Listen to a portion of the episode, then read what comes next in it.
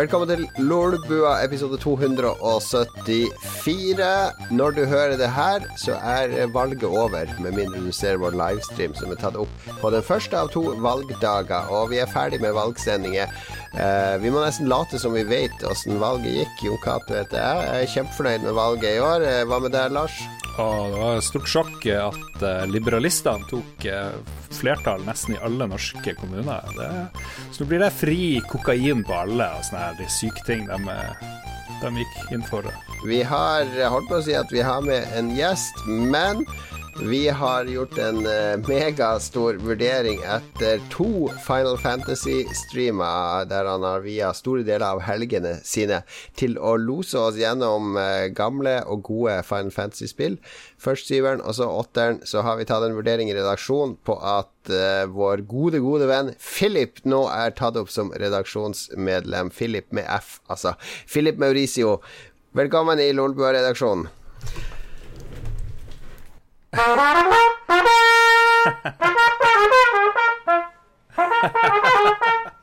Tusen takk! Tusen takk. En ekte trompet. Tusen takk. Wow. Jeg tenkte at etter alle disse årene og all denne ventetiden for oss alle involverte, spesielt lytterne, så var det på tide med en liten fanfare for å feire da det at ja, tusen takk. Det føles veldig godt å endelig få være her som, eh, som om ikke en likemann, så i hvert fall ikke en, en litt nervøs gjest.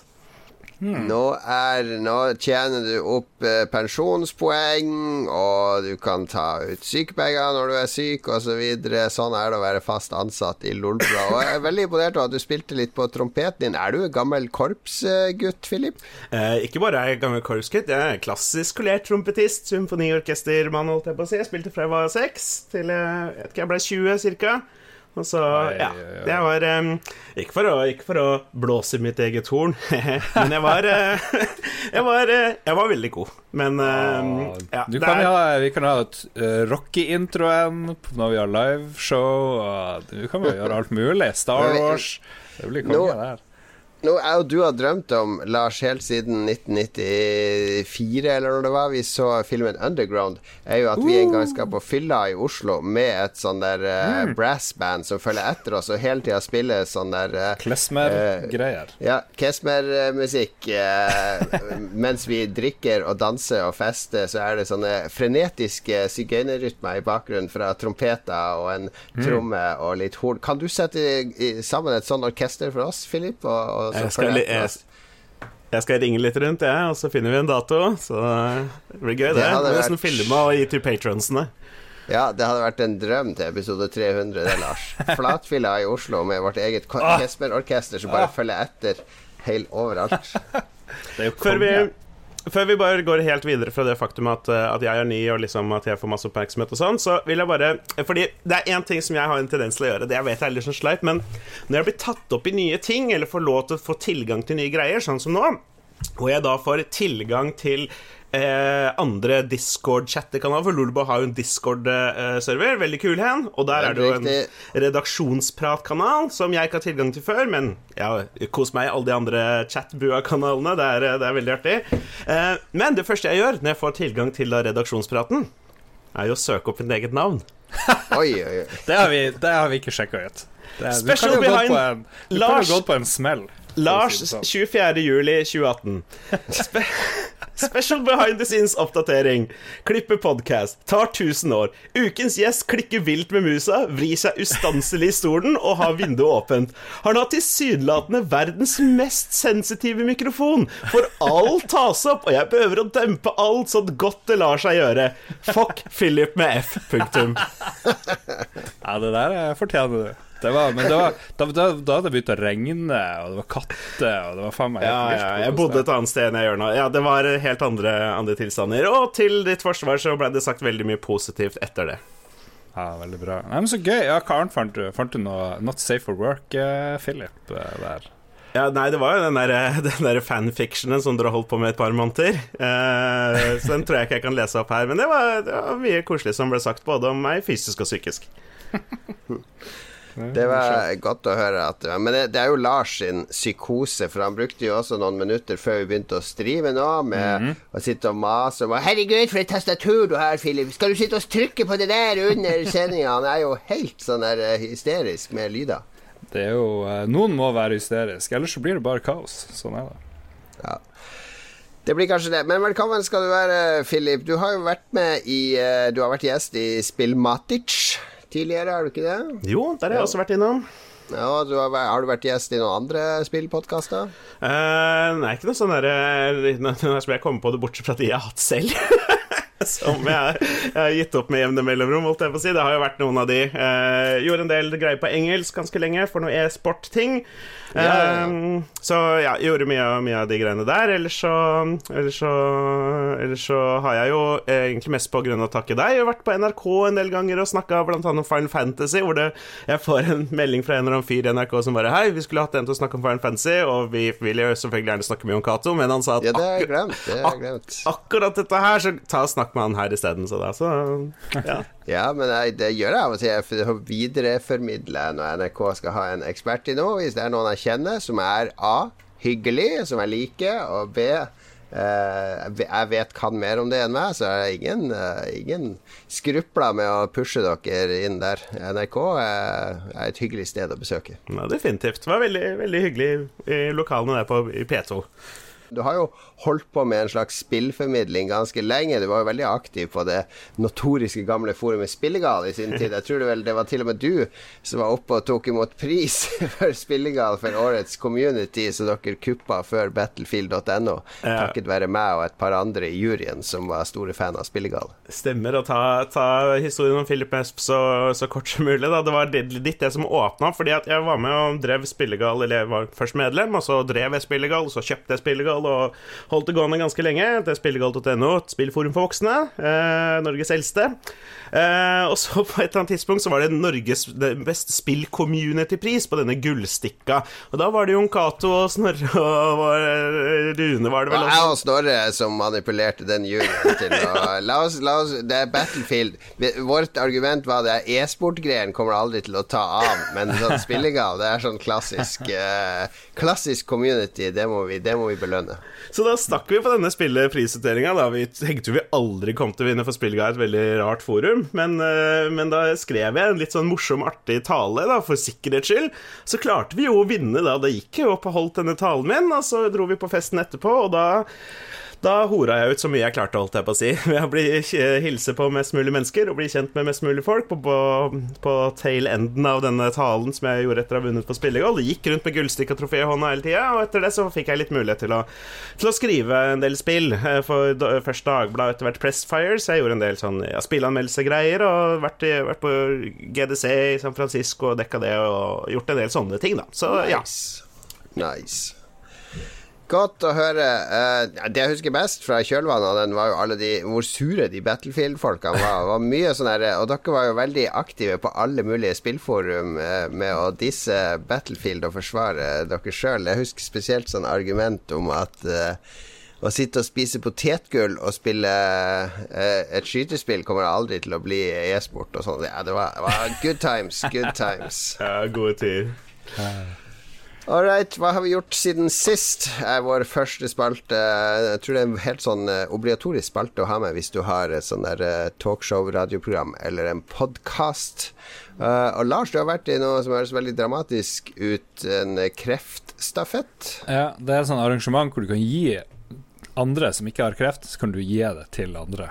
Eh, Nei, nei, nei. nei, nei, nei, Nei, det var ikke spøke for mye med sant. Det var du som lå opp til det. Nei, jeg har vært på en sånn her, eh, et 24-timers arrangement. Det er over hele Norge. Det heter eh, eh, Stafett for livet, tror jeg det heter. Og det var i Harstad nå fra klokka tolv på fredag, nei, lørdag til klokka tolv i dag. Søndag så jeg og eh, spilldoktoren Kien vi gikk fra klokka ett til tre om natta, og så gikk Mats fra tre til seks, tror jeg, noe sånt. Så vi har vært er sterkt representert stafett i Lolbua. man Bruker man ikke å løpe i stafett, eller var det her å bare spasere?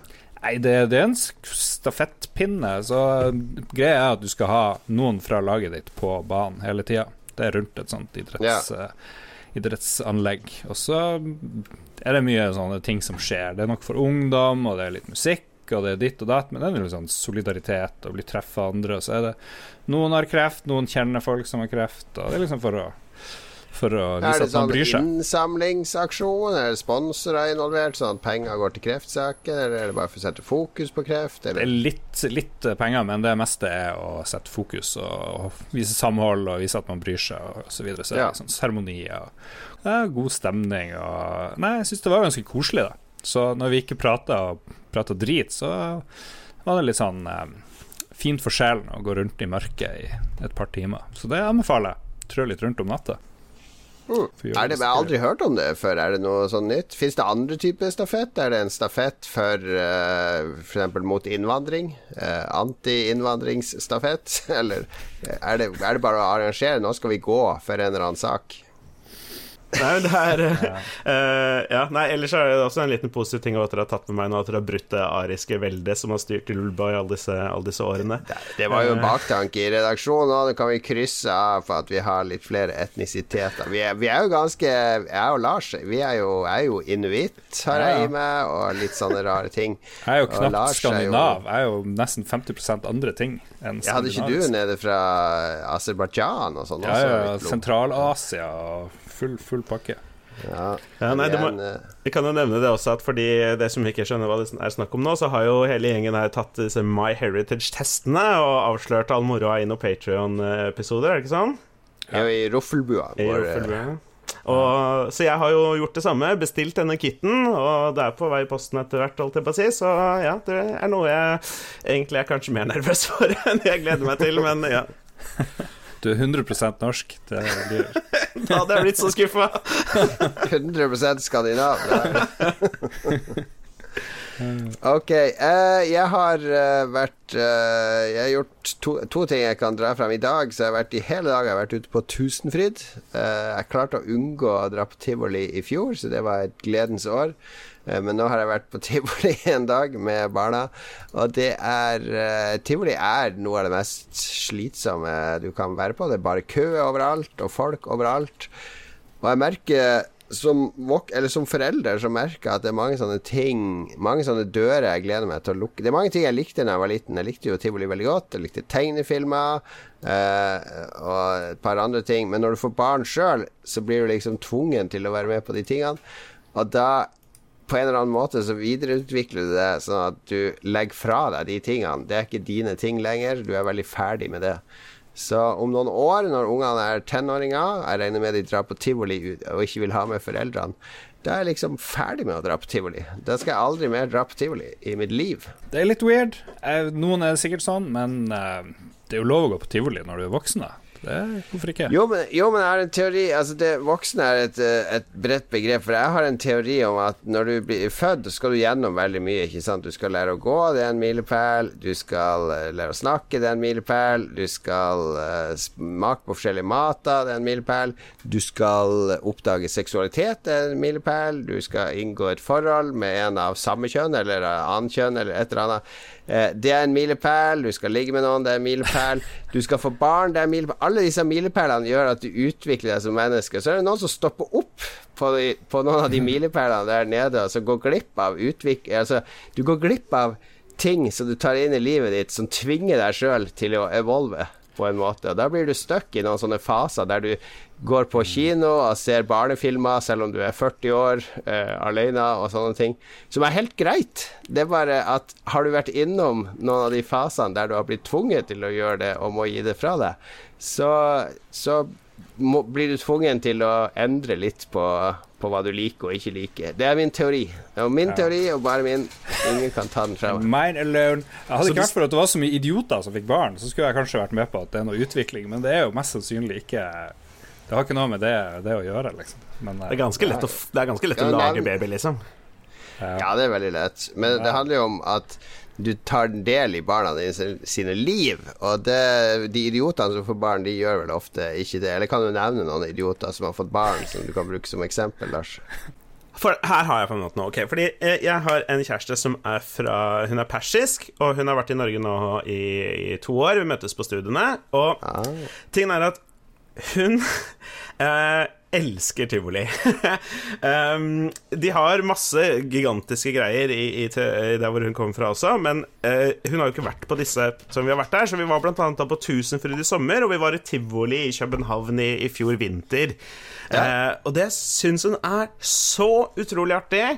Uh, og jeg var, på, jeg var, med på, alt dette her, og, alt, uh, og det var for så vidt helt greit nok. Jeg tror ikke hun kommer til å spørre om å gjøre det hver sommer, for så vidt, så det kan være bare fordi det er noe nytt og spennende som hun ikke har testa før. Og sånn er jo ikke akkurat Tusenfryd for de fleste av oss, men uh, det var egentlig litt artig å holde på der oppe. Ja, som en date-ting så er det ganske kult, da, for da kan man bli litt kjent og gå i spøkelseshus sammen og sitte i en sånn vogn sammen og sånne ting. Så det, det kan jeg se, se, det. Men hvis du og din persiske Er det hun eh, Det er ikke hun kjæresten til Per Per eh, Sandberg? Ba Bahareh? Er hun i slekt? Uh, ingen kommentar. Nei, det er, uh, nei, det er ikke slekt, men det er jo, det er jo veldig så, utrolig artig da, at det året jeg får meg fersk kjæreste, så får også Per Sandberg det. Eh, du og Per Sandberg, vet du. Dere var på så, Har dere vurdert sånn dobbeldate? Altså. ja, jeg har sendt en mail, men det morsomste av alt med dette her er jo at uh, Per Sandberg er jo vel ikke 30 år eldre enn meg, eller sånn, ok, 20 år eldre enn meg, ja. og Bahare er vel to år eldre enn kjæresten min. så mm. Philip, skryt litt av deg sjøl, du heller. Hva har du gjort i det siste? Apropos, apropos 20-åringer enn deg. Um, jeg har uh, spilt uh, Jeg har spilt uh, angående Litt som du nevnte i stad, dette med Final Fantasy-streamen og sånne ting. Um, fordi etter den Final Fantasy 7-streamen som jeg gjorde med LOL på Lolbua-kanalen, som var en gigantsuksess på alle mulige måter, så Absolutt fortsatte vi med Final Fantasy 8, som nå har kommet ut i en, i en eh, gjenskapt versjon nå bare for noen dager siden. Så da har vi, vi satt av noen timer til å gjøre det, og da igjen da selvfølgelig på, på Lolba-streamene. Og det har vært, eh, vært, vært veldig artig. Hvordan har responsen vært eh, Hvordan vil du måle responsen på syveren kontra åtteren? Er folk mer lidenskapelig opptatt av syveren? Er det mer minner knytta til den? Er det mer analytisk overfor åtteren? Åssen har det vært? Nei, det er uten tvil at, at syveren er et mye mer ikonisk spill på, på måte nesten alle måter. Eh, spesielt kanskje blant segmentet som er lytterne til Lolbua, så er det mange som, som, som husker Final Fantasy 7 eh, veldig godt. Og det var, det var, mer entusiasme rundt det. Eh, nå er det jo en, en, en gjenskapt versjon, en remaster av Final Fantasy 8, så det har jo vært litt spennende å liksom fått følge med på. Det er flere som har vært veldig imponert over grafikken, og så har vi hørt litt på, på låtene og sånne ting, og så har vi lekt litt med de nye funksjonene som er hvor du kan speede opp, uh, speede opp tida litt og sånne ting. da. Litt kritisk til den juksinga. ok, Greit nok at du speeder opp, det er, jo, det er veldig deilig å kunne kjøre dobbel hastighet i kamper og springe rundt, men du kunne gjøre noe med helse, og du kunne gjøre litt sånn Og der begynner jeg å tenke det er, ja, er det rett? Er det sånn er det... trainer? Trainer-mode? Ja. Ja. det, er, det, er, faktisk et haug av alternativer der. Du kan gi deg selv Fra level 1 så kan du egentlig bare gjøre deg selv uovervinnelig ved å gi deg selv ja, alle items, alle våpen, alle spesialangrep uh, og alt magic og sånn. Og dette spillet er litt spesielt. Det har et system som heter Junction, hvor du må legge magi til din styrkestat for å bli sterkere osv. Ikke du kan bli uovervinnelig veldig tidlig i spillet. Og vi, vi, vi, vi, skal nok holde det til et minimum, sånn for å, uh, sånn for å ha det litt artig med spillet, og ikke bare burne gjennom helt, uh, helt uten, helt uten, uten noe motstand. Uh, men det viktigste er på en måte å få sett spillet, opplevd historien, og for den historien Final Fantasy 8 er helt all over the place. Uh, så vi gjorde ferdig disk 1 på fredag, og tenker nå å fortsette med, med disk 2 nå i kveld etter denne podkasten. Det gleder vi oss til.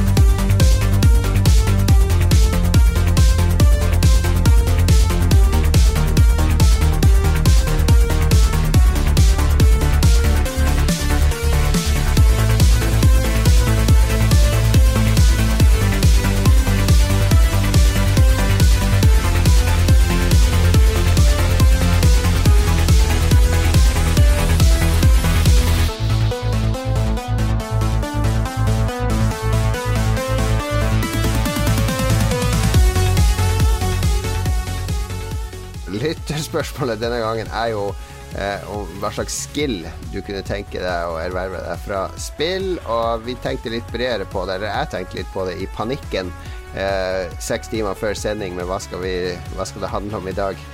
Eh, om, er det noe vi faktisk har lært fra spill? Altså, hva, mm. hva, hva slags påvirkning, positiv da, først og fremst, har spill hatt på oss?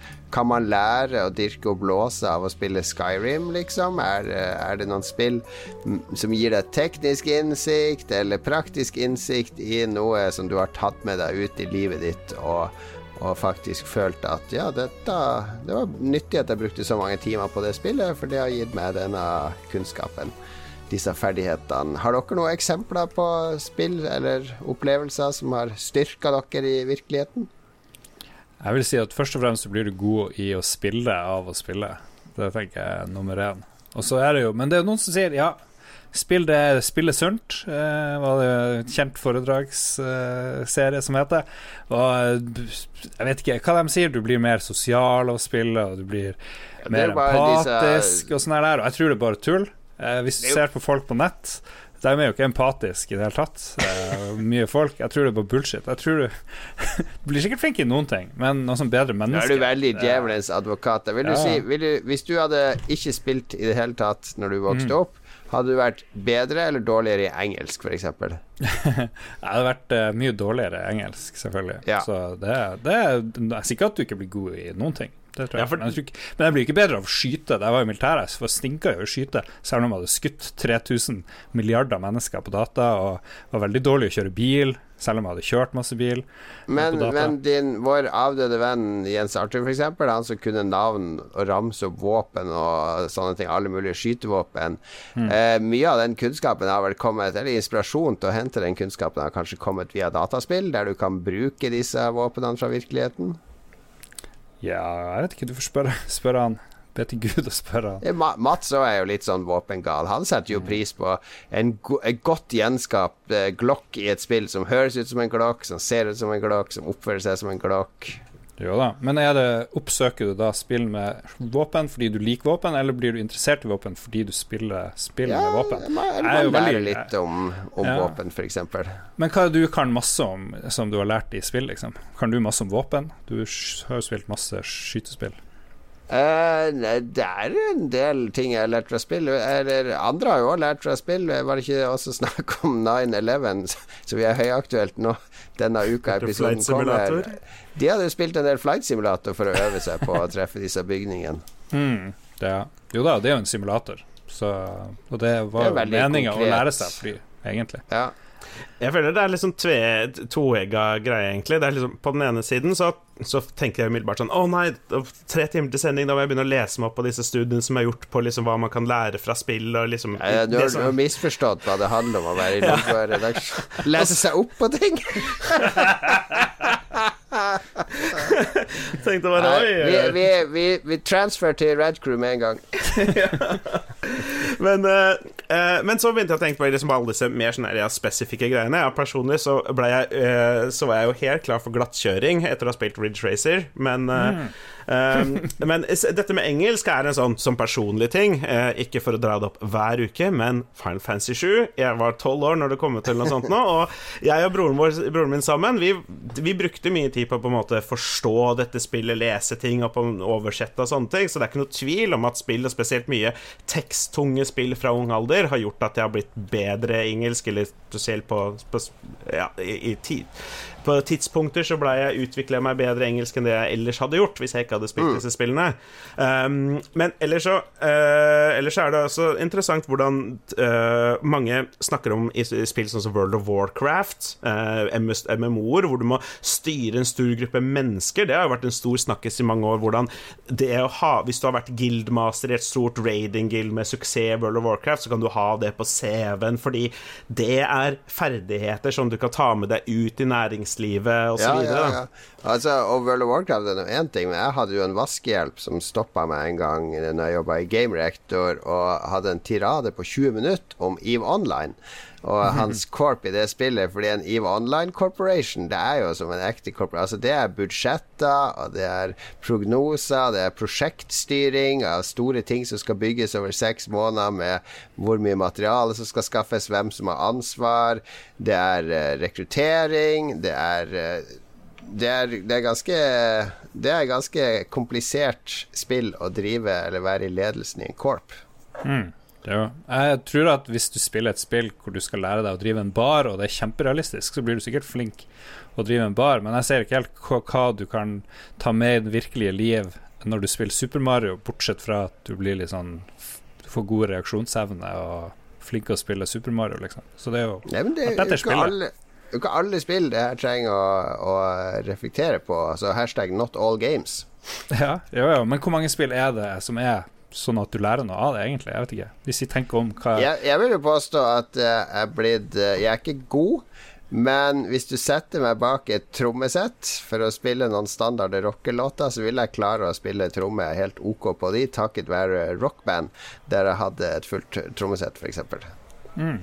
Ja. Det spilte jeg veldig mye, med, med tre cymbaler og, og, fire trommer og basstrommer. Og dette blir jo veldig sånn up in the air, holdt jeg på å si, men alle spill hvor du til en viss grad må spille med mot andre mennesker, er jo sosial interaksjon, som du til en viss grad selvfølgelig Det er litt annerledes å spille en multiplayer i Call of Duty som å drive et guild World of Warcraft, men ja, kan, mange kan lære mye av å bare interaktere med andre mennesker. Og ikke minst kan de spille spill som SingStar og bli flinkere til å synge. Og det anbefaler vi mange å gjøre, fordi neste uke har vi en superkul annonsering knytta til Tiltkast-helga. Så vi skal bare tease det så vidt her nå, men følg med neste uke. Og skal du ikke, har du ikke bestilt billett til Tiltkast allerede, så kan du i hvert fall bestille billett til hele helga etter du har fått den nyheten, for det skjer noe morsomt på lørdag 5. oktober.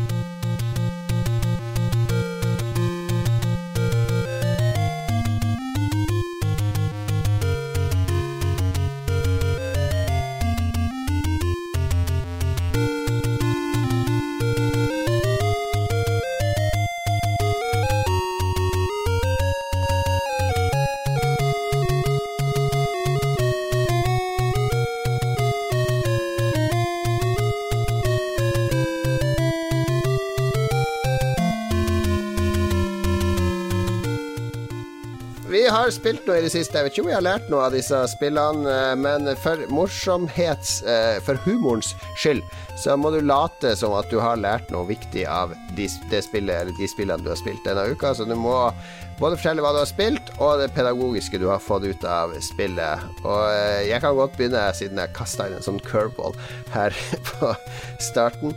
Jeg har spilt uh, WoW Classic uh, en del. Det er blitt mitt uh, escape-spill akkurat nå. Eh, det er, det er, mye fordi det er veldig mye press på jobb nå, og ting som skjer, og mailer som må besvares sent på kvelden. Så når jeg bare må koble av det, så, så er WoW WoW er veldig bra avkoblingsspill. Det tror jeg du kan skrive under på, Philip, selv om vi har diskutert uh, mye kvalitetene til å spille gamle WoW. Eh, det er en ren eskapisme, en ren uh, måte å bare droppe alt i hverdagen og ha et helt annet og relativt problemfritt liv i Azeroth med oppnåelige tasks og god, gode venner som jeg spiller med. Veldig hyggelig guild vi har fått opp, den Red crew Lolbua-gilden. Ja, det var det jeg skulle til å si, at det er jo spesielt fornøyelig da, når du kan bare logge inn, og så er det noen i guild-chatten, og så sier man hei, og så kanskje man slenger seg med å gjøre et eller annet, eller man bare duller litt rundt aleine mens man eventuelt bare chatter litt. Det å ha den sosiale greia som det virker som Red Bua-gildet har, det er en enorm fordel. Absolutt. Men det jeg også har spilt, siden vi prata om WoW Classic tidligere, er jo eh, Super Nintendo-spill har nå dukka opp på Nintendo Switch. Eh, for i fjor så innførte de sitt online-abonnement der du kan betale Jeg tror det er rundt 200 kroner i året. Eh, og da får du spille Mario Kart og en rekke spill online, akkurat som PlayStation Gold og, og Xbox Live. Uh, men i tillegg til det så får du også tilgang til uh, Fikk tilgang til masse sånn Nintendo 8-bit-spill, uh, som ikke er så spennende i mine øyne, med Balloon Fight og de litt primitive gamle. Men nå så ga de ut Plutselig så har du tilgang til det er vel en 15-20 Super Nintendo-klassikere som F-Zero, Legend of Zelda, Link to the Past, Super Mario World, Yoshi's Island, eh, Super Go Ghouls and Ghosts, eh, Demon's Crest, som er et kriminelt undervurdert og veldig veldig kult Super Nintendo-spill. Så jeg har sittet og spilt en del av disse. Spilte ganske langt på Super Mario World med ungene. De, de kjenner jo den Super Mario via Super Mario Maker 2, der du kan lage brett i Super Mario World-stil. Eh, så de ble veldig fascinert av Super Mario World. Og det er en, eh, en Altså, det er vel verdt de 200 kronene i året å få tilgang til alle de spillene. Det er eh, klassiker opp og ned i mente fra Nintendo der, og så pøser de på med et par nye spill hver måned framover. Jeg var jo skikkelig gira på NES Classic og SNES Classic og PS Classic, og uh, lærte jo aldri he helt. Men nå har jeg lært, for jeg kjenner kjempelite interessert i de her uh, retrospillene som er kommet til Switch. Fordi jeg tror alle kommer, nesten, nesten alle kom til SNES uh, Classic. Spilte de ti minutter uh, ish der, og bare glemte helt av det. Så- Ja, men jeg vil påstå en stor forskjell her er at når der SNES Classicen må du liksom koble opp fysisk til en TV og ha i fysisk i rommet, og så må du slå den på, og så må du sette det med de kontrollerne som er kobla til. Mens på Switchen min så har jeg jo en 40 spill. Inkludert SNES Classic. Og så når jeg, hvis jeg da er på en flytur eller en togtur, eller ligger med Switchen i sofaen og har Vet du hva, nå har jeg faktisk litt lyst til å spille Mario, så er jeg bare tut, tut, tut, og så er jeg inne i Super Mario World-saven min. I stedet for å måtte koble opp på TV-en den gamle som står på loftet, eller Ja. den som du har i en skuff under TV-en. Ja, ja. Jo da, det er et godt poeng. Jeg Jeg, har, jeg skal spørre hver, hver måned fremover. Skal jeg høre- høre hvor mye du har spilt de gamle SNES Classic-spillene på Switch. Ja. jeg, ser, jeg, jeg ser appellen i veldig stor grad. Jeg er veldig en sucker for gamle ting fra godtida, som man kanskje har skjønt med ja, Final Fantasy 7 og 8 og 9 osv. Uh, det- men disse konsollene, der har jeg ikke slengt meg noe særlig på. Jeg har, jeg har ikke kjøpt noen av de. Bortsett fra PlayStation Classic, for den har Final Fantasy 7. Men ikke egentlig derfor. Men eh, den eh, har et spill som heter Wild Arms, som er et annet JRPG fra den tida. Kjempebra, og det er ikke ute på PlayStation Store eller noe sånt. nå, Så eneste mulighet for å få tak i det, var å kjøpe PlayStation Classic. Og den er jo fin å se på, så det var egentlig helt greit. Yes, nå skal jeg finne noe pedagogisk fra SNES Classic, og det Jeg sliter litt med det, må jeg jeg innrømme. Eh, noe jeg har lært, er at eh, jeg tror aldri racing Eller uansett hvor langt vi kommer inn i framtida, så tror jeg aldri racing blir sånn som Wipeout og F-Zero. Eh, det er for eh, dårlige sikkerhetsmarginer der. Fartøyene eksploderer, de blir utsatt for skade, altfor mye er lov. Eh, Så jeg tror disse spillene er en dårlig indikasjon på hvordan fremtidens motorsport kommer til å se ut. Så det er jo noe man kan eh, ta lærdom av. Var litt desperat, den der. Men, eh, ikke så Philip, eh, Philip, informer oss om hva, hva du har spilt i det siste. Bortsett fra Final Fantasy 8, da, som du skal spille nå etter opptak. Yes, da blir det fortsettelsen fra disk 2 og utover.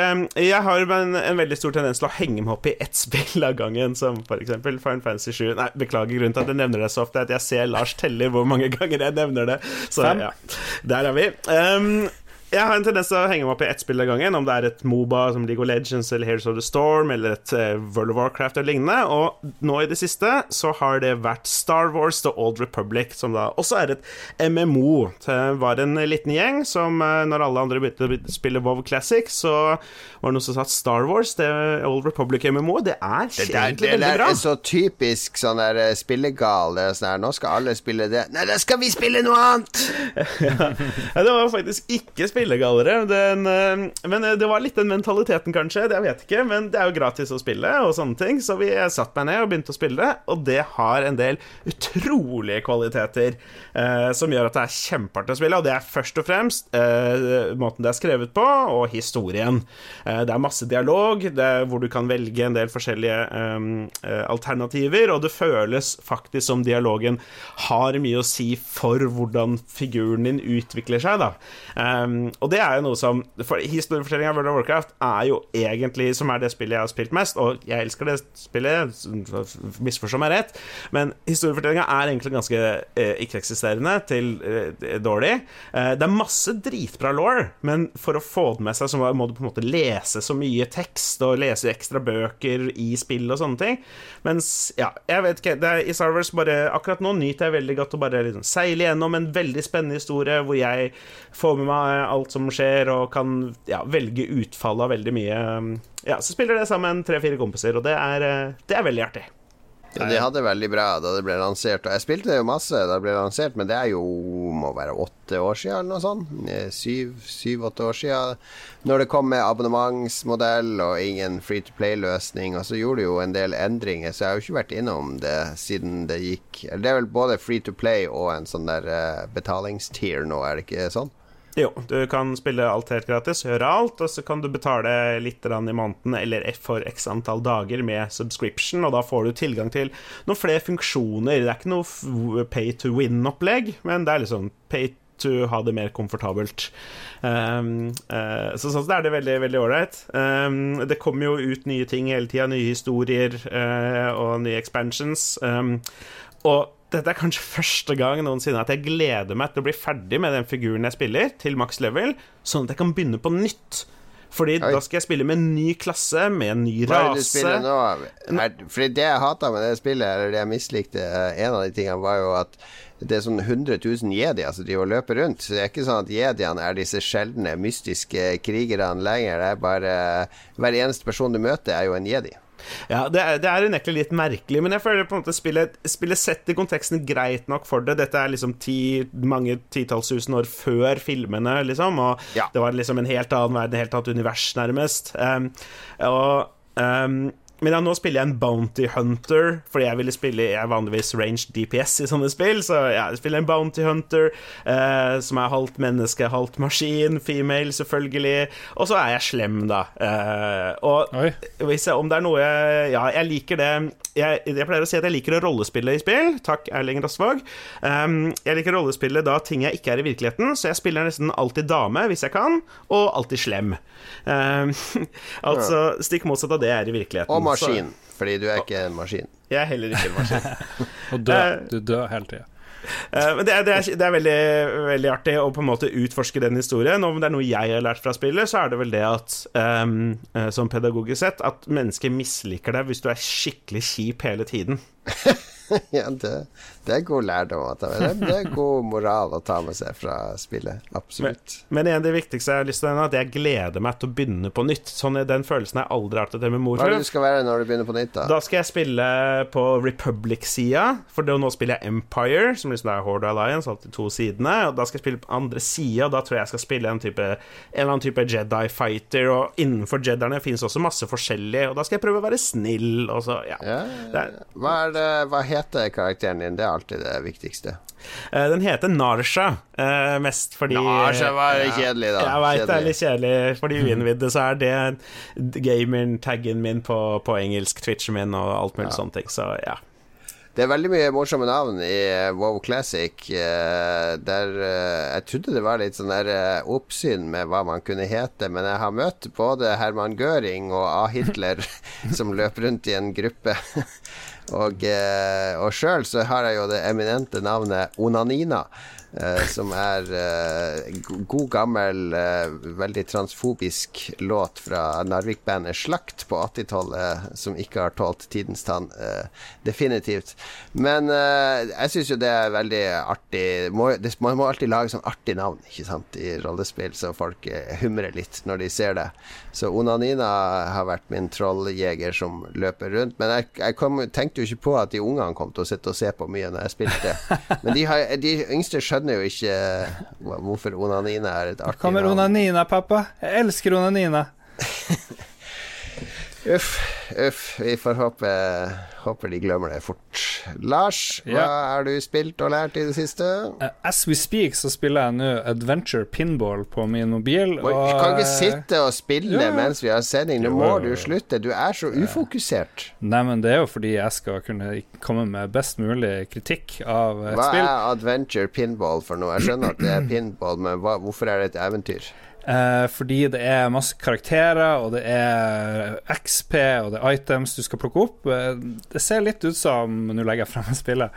Det ser litt ut som et, eh, et monokromt monokrom eh, versjon av Pokémon pinball. En sånn, eller Pinball Fantasy, som du hadde på Amiga. Eh, Pokémon pinball var genial genialt på Gameboy Advance, tror jeg. Eh, Ja, det 2D, var dødsbra. Dødsbra pinball. Jeg elsker kun 2D statiske pinballspill. Med en gang det er 3D og det skal sosje inn og ut og skifte perspektiv og sånt, så klarer jeg ikke det på data. Jeg må ha det litt sånn uh, old school. Og Derfor håpet jeg at det her uh, Adventure Pinball, som kom høyt anbefalt av iTunes-butikken Så lasta jeg ned. 22 kroner. Ikke verdig i det hele tatt. I hvert fall ikke på min iPhone 8. Um, du kommer, du bytter brett, du samler opp poeng, og du samler opp Du slåss mot ulike bosser, og de har hitpoints og sånne ting. Så eh, i basis så er det en slags morsom take på pinball-sjangeren, men det tekniske funker ikke, i hvert fall ikke på iPhone 8. Jeg vet ikke om det er bedre på pad eller et eller annet, fordi det er litt lag fra du trykker på skjermen til flipperne beveger seg, og selv det er jo gamebreaker, det er jo eh, det er ikke bra i det hele tatt. Og da, selv da ble jeg lei, men siden jeg skulle anmelde det, så måtte jeg liksom pløye på. Og av og til så slutter flipperne å funke. Veldig irriterende. Hvis du trykker på venstre side av skjermen, så er det høyre-flipperen som funker, uten at det er noe forklaring, i hvert fall, eh, på spillet. Kanskje er det det, men det har ikke jeg klart å skjønne. Ok, ok, ok du har, Jeg tror du har solgt det her til alle nå, at det er ikke verdt 22 Ja. kroner. Men hva har du lært av det her? Ikke kast penger ut på AppStore, er det det du skal lære nå? Jeg kan ikke stole på anbefalingen til AppStore. Dette digger vi nå. Nye spill vi digger akkurat nå. Fuck you, eh, Apple. Jeg vet ikke hvem som sitter og gjør det her. Kjenner vi noe? Er det noen i Norge? Dyrekjøpt dyrekjøpt erfaring, det der. 22 kroner kosta det der. Ja, jeg blir sende regninga rett til Patrions, tror jeg. Er Nei, nei, nei, nei. Jeg skal jeg lover alle patrions at hvis jeg ser Lars prøve å snike inn 22 i eh, sin uh, bilagsrapport med hva han skal ha etterutbetalt for utlegg han har gjort, så skal han ikke få det. Det Ja. lover jeg her nå. Jeg prøvde jo, jeg måtte jo spille noe annet, for jeg spiller jo bare Skyrim, så det her var mitt fortvilte forsøk på å Hva finne er noe det med Skyrim? Hvorfor orker du å spille det for? Er det blitt ditt escape-spill? Er det en slags komfortpute for deg? Det er jo det. Sutteklut. Min digitale sutteklut. Så Det er jo sånn som du sitter og spiller WoW Classic. Det er Ja. din, eh, din escape, så ja. Det er jo verre spill å ha hangups på da, hvis du først må det. ja. Ja da. Det vil jo ta slutt en gang. Det er ikke sånn Det er ikke free to play. Ja. bruk ikke penger på det hele tida. Da kan du spille Witcher 3 på nytt igjen. Det er salg på Steam nå. Det har du ikke spilt ennå, Lars. Jeg har spilt det, men jeg har ikke runda det. Thank you.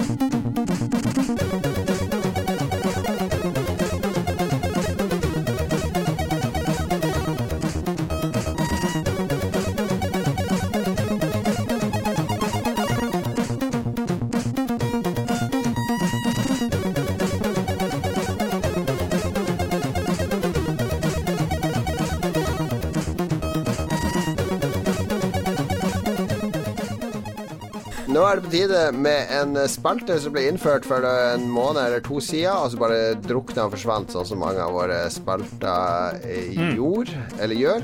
Ja. Det var noe du innførte i ren desperasjon, sikkert, Lars. Vi må ha noe å fylle sendinga med. Hva er det vi skal gjøre nå? Jeg har ikke hørt den episoden, jeg bare så at det var, var med en ny spalte der. Det er en ny spalte som heter Trailer Trash, hvor vi tar for oss eh, aktuelle trailere. Og eh, som de sier, trailere gjør seg best på radio. Så da tar vi og finner frem eh, filer. Alt det her er lenke til YouTube. Så sender vi uh, lenker også ut til de som er på Twitch, så de kan liksom følge med i lag. Og så kan alle sitte og se og kommentere det her, og så spille, putte inn lyden i klippen, ikke sant. Så, okay, sånn. er- og så, så er- sier vi tror vi det her blir bra, tror vi det ikke blir bra. Og så velger vi jo trailere som enten til spill eller TV-serier eller filmer som, eh, som det er gøy å mene noe om, da. Som er veldig ettertrakta, eller som kanskje blir drit, eller Men da finner dere bare Vi begynner med Bad Boys for Life, eller Bad Boys 3. Kommer 17. januar eh, 2020. Det er en stund til. Go. One last time. One last time.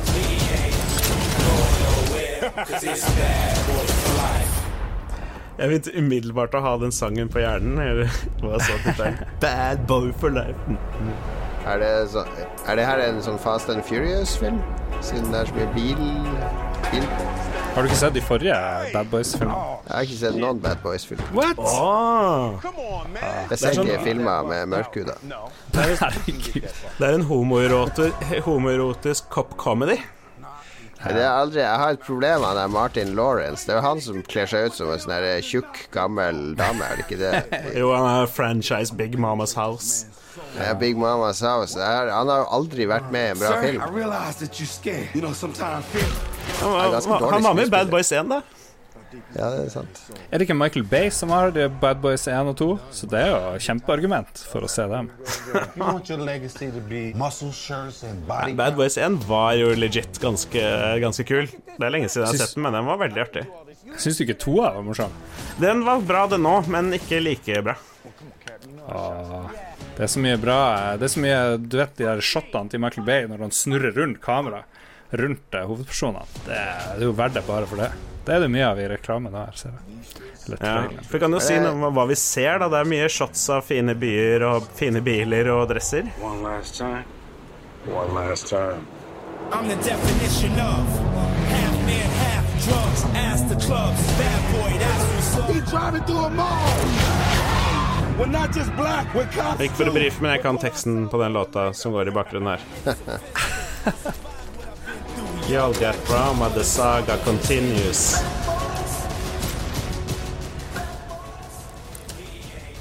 Han blir litt rundere, han Martin Lawrence. tror jeg. Veldig mye rundere.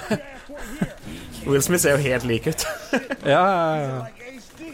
Men eh, Will Smith har jo eh, Hvilke bra filmer har han lagd, som vi husker? I Am Legend er en veldig bra film. Nei, var det Er det? Ja, det er en bra film. Ja, ja. Det er en veldig bra film. Jeg leste boka her om dagen. Kan jeg skryte på det og si at boka er mye bedre enn film. What you gonna do? What Ja, you gonna do? Jesus, det skal jeg aldri se. Ja, det er helt greit. Da vet du. Det er jo det som er poenget til traileren. Yeah, and you fucking up the lyrics, which take a long time to learn. Cause it's bad boy for life. Bad boys for life. der var den ferdig. Uh, jeg føler at det her var ikke din film, Jon Cato, muligens. Nei, for det første så ser jeg jo ganske få moderne filmer, og det jeg ser aller minst av, er moderne actionfilmer. Det gir meg nesten ingenting, dessverre. Det er en del av det jeg snakka om i introen, det der med å vokse opp, legge fra seg ting som man var opptatt av Faen, før, du blir så kjedelig. nye Du blir så gammel og kjedelig, er det- evolution, ikke sant? Du er en Pokémon stage 1 fortsatt, jeg er en Pokémon stage 3. Bare kaller meg Blastoise. Men det som er, det som er litt eh, eh, artig, er at Eller eh, noe er at denne Bad Boys for Life, som vi nettopp så traileren til, det virker jo veldig action og eksplosjoner og sånne ting. Men de tidligere Bad Boys, det som gjorde de artig, var jo at det var veldig mye humor og sjarm og tabber, og de var litt klønete og sånne ting. Her Dette er jo virka som to beinharde actionhelter, liksom. Nei, det må jo være humor. Ja, mye morsomt i toa, folkens. Mye, morsomt i toeren, Lars. Mye morsomt Yes. i toeren. Veldig kjapp, kjapp historielesen. Bad Boys for Life. Det er et Puff Daddy, P. Diddy, P. Pizzly Diddy. Han er en rapper som har et plateselskap som heter Bad Boys Records, og de har en låt som heter Bad Boys for Life. Og det er den låta som de brukte her. Takk for meg. Ok, Vi skal se Gears of War 5-traileren. Gears of War 5 kommer i morgen nei, 10. september. Er Det er ute Ja. på sånn der Xbox uh, uh, Det der betalingsmånedsgreia de har allerede. Ja. Jeg tror Ståle, vår venn Ståle streama det på sin Twitch-kanal, mikserkanal i helga. Gjorde han det? Ja. Ja, men ikke på vår, fordi de var opptatt med, med Final Fantasy 8. Ja, okay. Herregud, gi meg dårlig samvittighet. Det er en 20 minutter, det er en 20 minutter video, The Full Story of Gears of War Series. Watch before you play Gears of War 5. Må vi se den først, eller går Ja, den tar vi først. Ja, ja, 20 minutter tar vi kjapt. Okay. Nei da, vi ser traileren. Vi ser traileren Ingen av oss tror jeg blir å spille Gears of War 5. Da kan vi bruke to minutter på å se traileren. Kom igjen, folkens. You find what you're looking for. Yeah. And now we need to kill it. I'm not gonna lie. It's real ugly out there. Biggest Gears ever. Can we watch each other's backs? Like always. Husker du vi spilte første Gears of War i Barcelona, Jon Ja, var det det første? Eller Ja, var kanskje det andre. andre Husker ikke. Jeg tror ikke det var det første. Det var på X06, var det det? Jeg husker ikke, det var noe X, ja, et eller annet. Jeg husker bare jeg var imponert over den her eh, store mansion vi var oppe i Barcelona Hills. Det var da Peter Jackson var på scenen. Yes. Ok, jeg tror vi er veldig lite interessert i denne traileren. Kan jeg stemme? Ja. Ja, Jeg sitter, og, jeg sitter og følger nøye med og prøver fortvilt å finne noe interessant å si, men det er liksom bare. Splett. Det ser mindre, ja, men det ser mindre statisk og stivt ut. Det er jo det som er Gears-greia. Så De prøver i hvert fall å være litt mer spretne og fargerike, ser det ut som. Eller? Ja, I guess. Ja. Jeg kom på eh, på E3, da hadde de jo den der forferdelige sekvensen på Xbox-showet der de gikk ned i kjelleren under scenen. Ja. Og det var liksom dekorert som noe sånn Gears of War-brett. Det var helt meningsløst. Ja, det var ganske teit. Oi, så er det en sånn blå transformer kom opp hans. Ja, hun er jo med, og Sarah Connor. Oi, det var jo T1000 var med der. Er, en der er Batista òg. Oi, oi, kjempemorsomt. Jesus, de har bare kasta inn alt, så, alt som kan høre hjemme. Ice-T er vel òg med i spillet, eh, sikkert. Det mangler bare Keanu Reeves òg, tror jeg. Han dukker sikkert opp i neste trailer. Et spill med Ice-T Batista under tittelen Ride or Die. Jeg klarer ikke helt det. Ok, da er vi driter i Gears 5. Da er det til slutt Mandalorian. Ja, Hvorfor driter vi i Gears 5? Er det ingen, Liker vi ikke actionspill? Er det det dere sier? Noen Hvorfor liker noen, noen hvorfor liker du dårlige actionfilmer, men ikke dårlige actionspill, Lars? fordi, fordi Jon Cato, noen av oss har gjennomgått ting i livet som gjør at vi har vokst ifra sånne dumme Ja, ting. jeg har vokst ifra. Jeg spiller Jeg bare spør dere, fordi dere er omfa... Og Bad Boys eh, 3 med to 60-åringer som løper rundt og ting eksploderer. Det ser spennende ut. Så hvorfor er det ikke spennende å løpe rundt og skyte monster? Nei, jeg vet ikke. Det, jeg, har, jeg er ikke utvikla nok til å skjønne det her. Ok, ja, vi hopper Jeg har ingenting å legge til her, bortsett fra det ser ut som de gjør De har gjort en masse bra avgjørelser med å putte inn alt mulig fra popkulturen. Det dukker sikkert opp noe Thanos og Marvel-figurer og alt mulig annet drit inn i det spillet, sånn at eh, alle sånne gamer bros De kommer til å high five hverandre når de kan styre Ice-T som skyter ned Sarah Connor. Alright, ok, uh, Disney-kanalen Jeg vet ikke når den kommer til Norge, men den er i hvert fall klar noen steder i verden 12. november, og da kommer The Mandalorian, som jo er 12. november er den klar i USA, Canada og Nederland, av alle ting. Nederland. De tre landene. Da blir det helgetur, da. Ja, skal vi ferdig mm, Patrion-tur til Nederland. Men de, er, de har en serie som heter eh, Mandalorian, som er den første Star Wars-TV-serien som ikke er animert. Eh, og den er vel Konseptet er vel kanskje fra John Det er mange involvert i det her. John Favreau er involvert. Han der min favorittregissør Taika Waititi fra New Zealand tror jeg også har- regissert og skrevet en episode. Eh, så det er ganske profilerte folk som er involvert i denne serien, som skal være en sånn ti episodes serie om en eller annen bounty hunter. Det er jo Bobafett, er det ikke det? Som er liksom den Nei, det er- originale Mandalorian. Eller den ble jo plutselig klona, så jeg har ikke oversikt Ja. lenger. Mandalorian i spillene, og det her vet vel Philip som spiller Old Republic, er jo, det er jo en, en planet og en rase, så vidt jeg har skjønt. Ja, som gjerne har er gjerne bounty huntere, og de har en veldig kultur for dette med å hunte ting. Og ja, hele greia der. Så øh, ja, det er, ja, i spillet også så er det en type tittel, The Mandalorian. Men ja. Eh, Jeg er egentlig veldig spent på hvordan de skal løse det i forhold til at dette er Disney. Og når du da er bounty hunter i Star Wars-universet, så skal du jo være litt skruppelløs og blod, ha litt blod på tann, så vi får se. Vi får se. La oss se traileren. Tre, to, én. Hva er det sånn ekstra widescreen her? Det var jo helt vilt. Det skal se mer filmatisk ut. Masse Stormtrooper-hjelmer som er festa på spyd. Med blod på, så det er blodig Oi. allerede. Åh, og den gode gamle Lucasfilm-logoen er så deilig.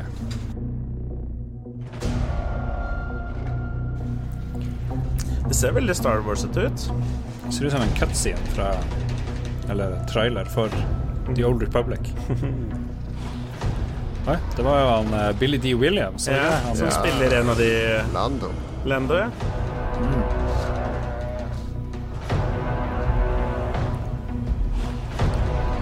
ikke han Jar Jar kommer. Da skrur jeg. Da skrur jeg av PC-en min med en gang. Oi, den skurken fra Breaking Bad.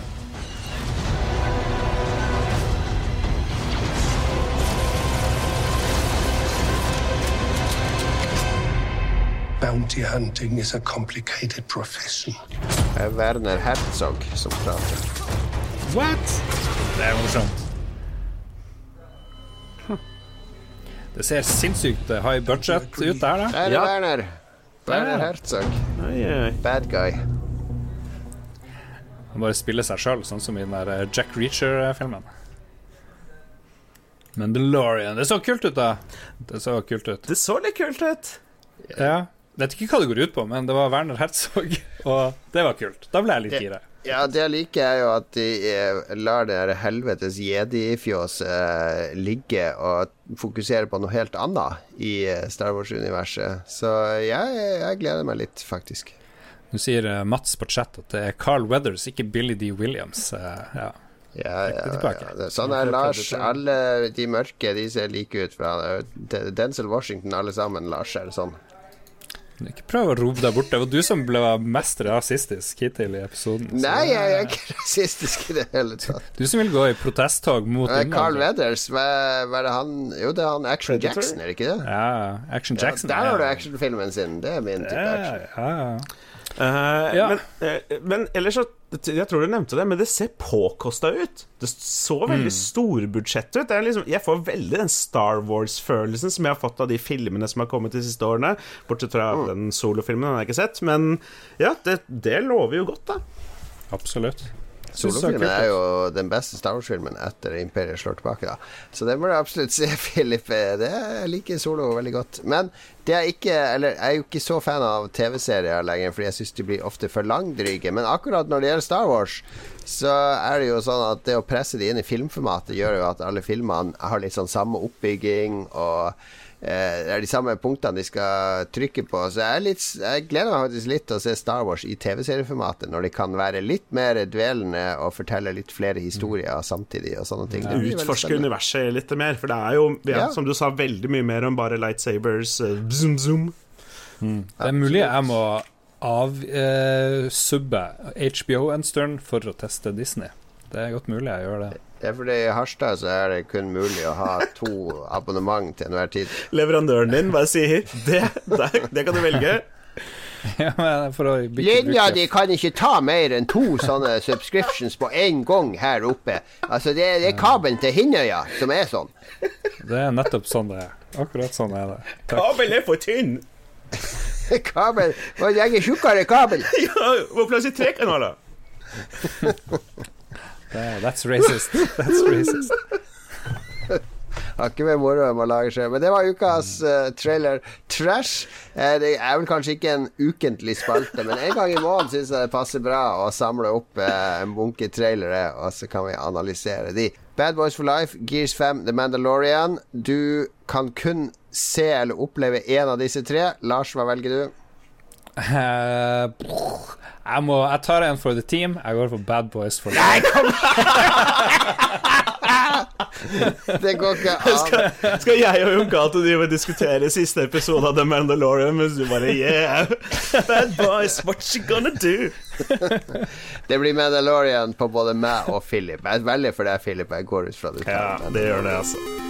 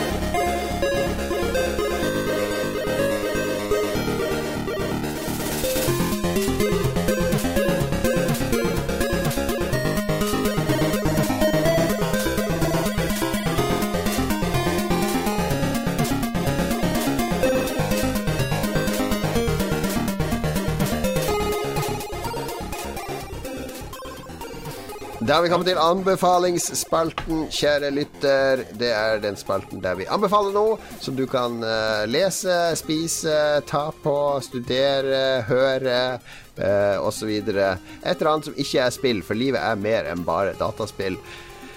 Faktisk. Jeg kan begynne i denne uka. Jeg har eh, Jeg følger en, en Twitter-konto, eh, det kan jeg faktisk også anbefale, som heter 41 Strange. Eh, som poster veldig, veldig mye bra bilder av eh, snåle ting. Eh, alt fra dyr og tegneserier, gamle bilder fra filmsett og sånn. Men det, det er alt, alt er litt sånn disturbing, eller ofte litt disturbing. Og de posta bilder, noen bilder fra en manga som, eh, heter Frankenstein. Eh, de fleste kjenner jo det som en film eller en bok. Men det er en fyr i, i Japan som heter Junji Ito. Junji Ito. Han spesialiserer seg i horror-tegneserier, og han har laga en adaptation av Mary Shelleys Frankenstein som en manga. Eh, der det den, han har en veldig sånn forstyrrende strek. Hvis du googler Junji Ito, eh, så får du en del ganske forstyrrende tegninger av monster og, og andre ting. Og også den Frankenstein-tegneserien hans er Selv om den er veldig sånn rent og pent tegna i alle de normale scenene, så er det noe med Frankenstein sitt monster og stemninga og paneloppbygginga som gjør det til en meget creepy uh, leseopplevelse i tegneserieform. Så jeg anbefaler Junji Ito sin Frankenstein-bok. Jeg bestilte den på Amazon for 17 dollar eller noe sånt. Og det, i den boka som er i hardcover, så følger det også med noen kortere historier, altså egne historier fra Junji Ito, som, som også er eh, grøssende gode å lese. Så Junji Ito eh, anbefaler jeg Frankenstein. Vær så god, Jeg, jeg tok og bildegoogla Junji Ito, jeg. Ja. Han, han har en uh, ubehagelig eh, penn, holdt jeg på å Det er, veg- det er noe sånn ubehag i de bildene, altså, Ja. som man nesten har henta de fra det dypeste delen av sjela si og klart å få det ned på papir. Eh, det, er, det er sånn Det er ikke ofte jeg har tegneserier med bilder der jeg tenker at hvis jeg viser det her til ungene, så får de mareritt, men det, det er Ito sine tegninger. Ja, ikke fordi det er så liksom ekkelt eller skummelt, men når du ser på det, og så tenker du sånn Å ja, ah, OK, og så ser du på Nei, ja, ikke nei. Det er bare til å lukke den taben, tenker jeg. Gjør det, gjør det. Philip, hva skal du anbefale? Jeg skal anbefale noe, noe litt mer lystig. Um, jeg, har, jeg har sett en del på, på en YouTube-kanal i det siste, som vi var innom og titta litt på streamen eh, på fredag også. Uh, det er en fyr som heter Kit Boga, og han driver med noe som jeg syns er veldig artig. Um, uh, fordi dette med tech-scammers og sånn, det er en veldig utbredt greie i mange store deler av verden. Det er jo, Vi får en gang iblant Jeg vet ikke om dere har fått noen sånne telefoner fra Microsoft som Jo da, sier at Ja, ja. Ikke Fikk det denne uka. Det Ja, var ikke, det jeg, skjer. vanligvis så kødder jeg med de litt, men nå bare kjente jeg gidda ikke å bare la, la på. Ikke sant? Jeg har også en tendens til å gjøre det hvis jeg kjeder meg litt for å slå i litt tid, men Mm. jeg vet ikke, i det siste så har jeg bare gått over til at jeg bare sier eller de bare sier 'hello', bla, bla, bla, så skjønner jeg hva det er for noe, så sier jeg 'yeah, hello, this is Mr. Flux Ok, la oss, secretary', la, la, la, la, vent, vent, vent, vent. Jeg er spent på hvordan du gjør det, Philip. Nå later vi som ding, ding, og så sier du hallo. Hallo? Good morning, sir. This is Microsoft Service uh, assisting you with your computer. Ah, great. Are you calling for Mr. Flugstad? Yes, is this Mr. Flugstad? Are you near your computer, sir? No, I'm Mr. Flugstad's personal secretary. Uh, do you have an appointment with Mr. Flugstad? I can put you right through. It's an emergency, sir. We are uh, we have discovered very serious problem on Mr. Flugstad's computer. Okay, and you have made an appointment with him, with him to fix that, I assume? Uh, yes, please transfer me to Mr. Flugstad. Okay, because you have an appointment, then I will check it right now. Uh, what was This your is? Mr. Flugstad's mother. Hello! Hello! Hello, Mr. Flugstad's mother. There's a problem with your computer as well. Oh no! Here's my Oh, credit card details! Yes, please give credit. Ok. Du bruker veldig lang tid på å avvise de her folkene. da, Ja, for må at jeg Gjerne hvis jeg Det kommer jo selvfølgelig an på hvor, hvor god tid jeg har, men det går bare på bare, ja, på bare at denne Mr. Fløgstad er en veldig viktig person. Han må du ha en avtale med for å få snakka med. Men denne Kit Boga han har gjort det til en underholdningsform, så han oppsøker det jo. Han har jo da satt opp PC-en sin med noen sånne ekstra desktop-greier og sånne ting.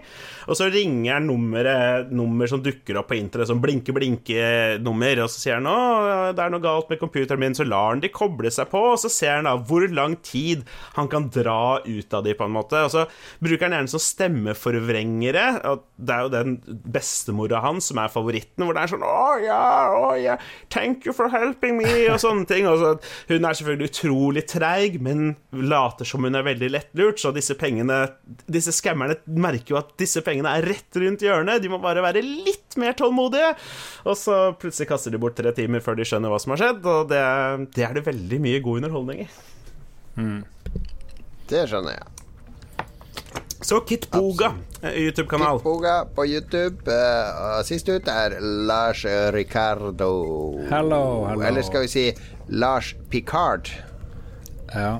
Jeg kom på en alternativ anbefaling. Har du tenkt på å skifte navn til Lars Picard? Det hadde vært litt kult. Rikard er jo litt uh, Ok, det har du etter far din og sånn, men Lars Picard Olsen, det hadde vært kult. Jeg så en eh, på i, Hva heter Amazon Prime er det en dokumentar om eh, kunstnerne som jobba for TRS og lagde mm, Dungeons and Dragons-kunst. Og der er det Ah. en som heter Diesel LaForge. Eller LaForce, tror jeg han het. Det er det kuleste navnet jeg har hørt. Så hvis jeg skal bytte navn, så blir det Diesel LaForce. Men uansett, jeg skal anbefale Star Trek Next Generation hele serien, men spesielt kanskje sesong syv, for den har jeg aldri fått sett før nå. Um, jeg har vært sånn mye rolig syk siste par ukene. Bare ligget og sett Star Trek, for det er veldig deilig hvis du har feber. Så funker Star Trek kjempefint. Beroligende. Stemmen til han um, Jean-Luc Picard, han uh, hovedfiguren på det her romskipet, spilt Ja. av hva heter det, Patrick Stewart, er Patrick veldig Stewart. kjempekoselig og trivelig stemme å høre på. Commander, I require your presence on the bridge. Captain, with all due respect, perhaps it would be better if you choose another to serve as your first officer. I have not been able to isolate the problem, sir. I might make a mistake. Yes, you might. But that does not alter your duty to me and to this ship. Now, do you know how to formulate a premise? Yes, sir. Then formulate this one. How do I deal with Commander Riker and the Hathaway? I will await your answer on the bridge. And Commander,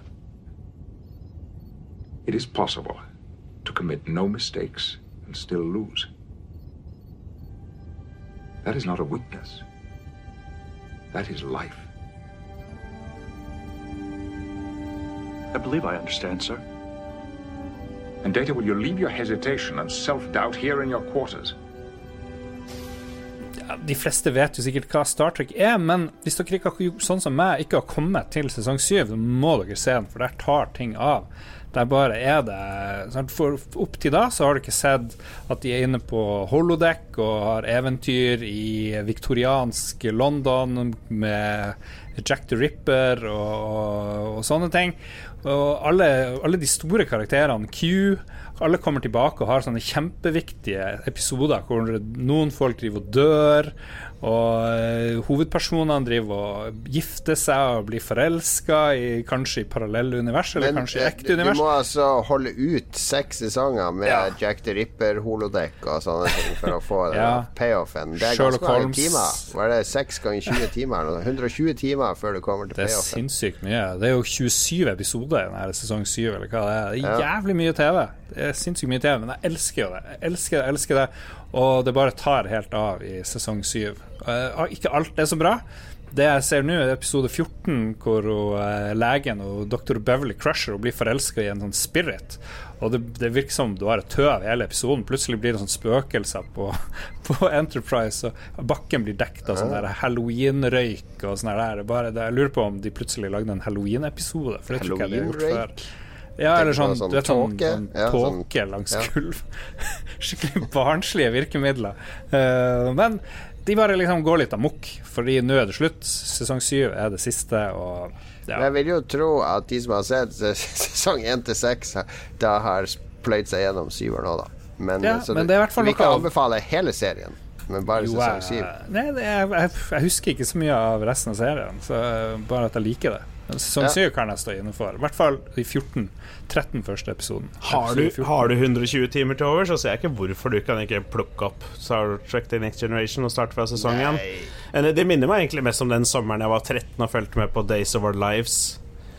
Eh, ja. Altså, du kan bruke 120 timer på å se Philip spille Final Fantasy, eller du kan bruke det på Star Trek. Jeg vet at jeg ville brukt det på Jeg må tenke litt på hva jeg ville brukt på.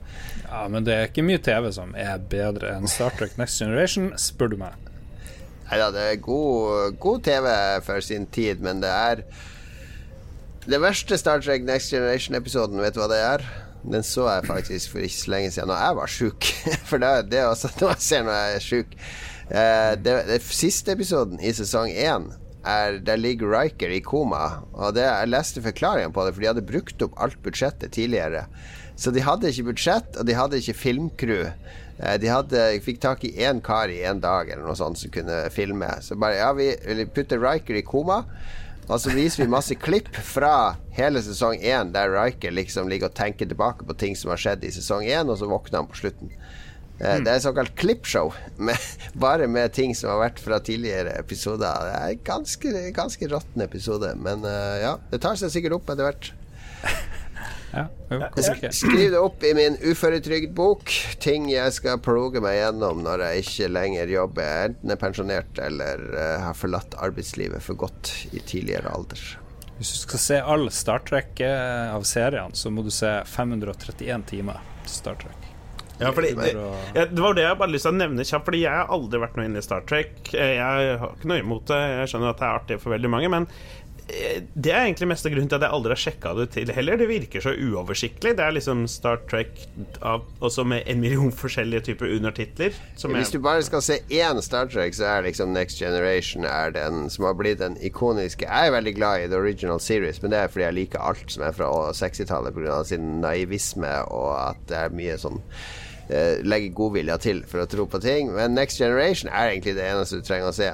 Eh, da har du Star, Star Trek inne. Ja. Men har du troa på Picard-serien som Netflix skal lage nå? I premieren av eh, hva heter det, Trailer Trash-serien, så så vi Picard-traileren. Og Picard eh, Patrick Stewart ser sykt gammel ut, så jeg er bare mest redd for at han blir døde bare midt i innspillinga. Det, det Ja. var det jeg tenkte mest på. Og så så Men- det ikke kjempebra ut. Det gjorde det ikke. Jeg har jo hørt at det er så sinnssykt mye drama i det der writer-rommet til Star Trek-seriene. For de er liksom samme som skriver på tre forskjellige serier. Discovery og Picard og jeg tror det er en serie til de skal lage. Eh, Kanskje jeg tar feil. Men det er liksom samme pool med writers, og det er en masse drama i det rommet. Masse krangling og sånne ting. Og så min tanke om Picard er jo at egentlig skulle det være en helt annen Star Trek-serie uten Picard med utgangspunkt i noe annet. Og så fikk de så mye kjeft for Discovery fra noen sånne misfornøyde Star Trek-fans. som Bare, vi må hente, vi må ta inn noe fra Next Generation! Og så har de bare skrevet inn Picard. Så jeg tror egentlig han bare har sånn birolle. Han dukker opp sånn av og til sånn «Åh, ja, det, det er egentlig meg det handler om, men så er det egentlig helt andre folk som er story-arken som er viktig. Mens ja. Picard er sånn gammel gubbe som lusker i bakgrunnen bare for å please TNG-fansen. Ja, Han kan jo ikke spille i 27 episoder i en sesong. Han er jo 79 år gammel, så det går jo ikke. Alright, tre anbefalinger der. Star Trek Next Generation sesong 7. Eh, se helst de seks for, eh, foregående hvis du skal ha full payoff for bryllup og dødsfall og andre ting.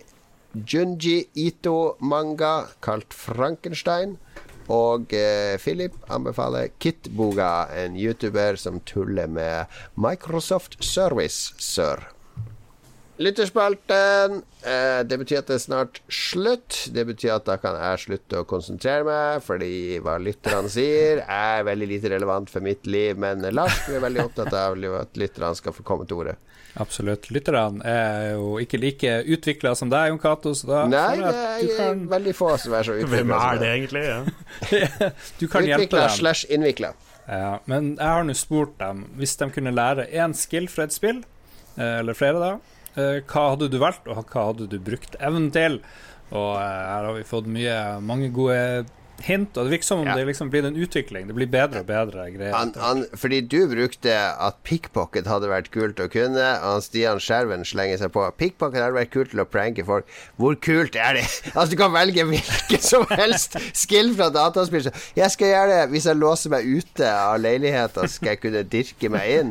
Og så skal du virkelig dirke deg inn hos fremmede eller kompisen eller sånn. Hvor, hvor ofte har du praktisk bruk for den skillen? Men det, det er ikke det engang. Det er til og med pickpocketing, som liksom Å, ja, ja, ja, ja. Lars hadde pick lock. Her blander jeg. Lars ville eh, lås, var det ikke så? Oh, ja. Jeg tok et screenshot fra, fra Skyrim for å illustrere det. Ja. Der var lockpick eh, det liksom første. Men uh, Stian Skjerven han velger pickpocket. Ja, det, det er jo Ja, ok.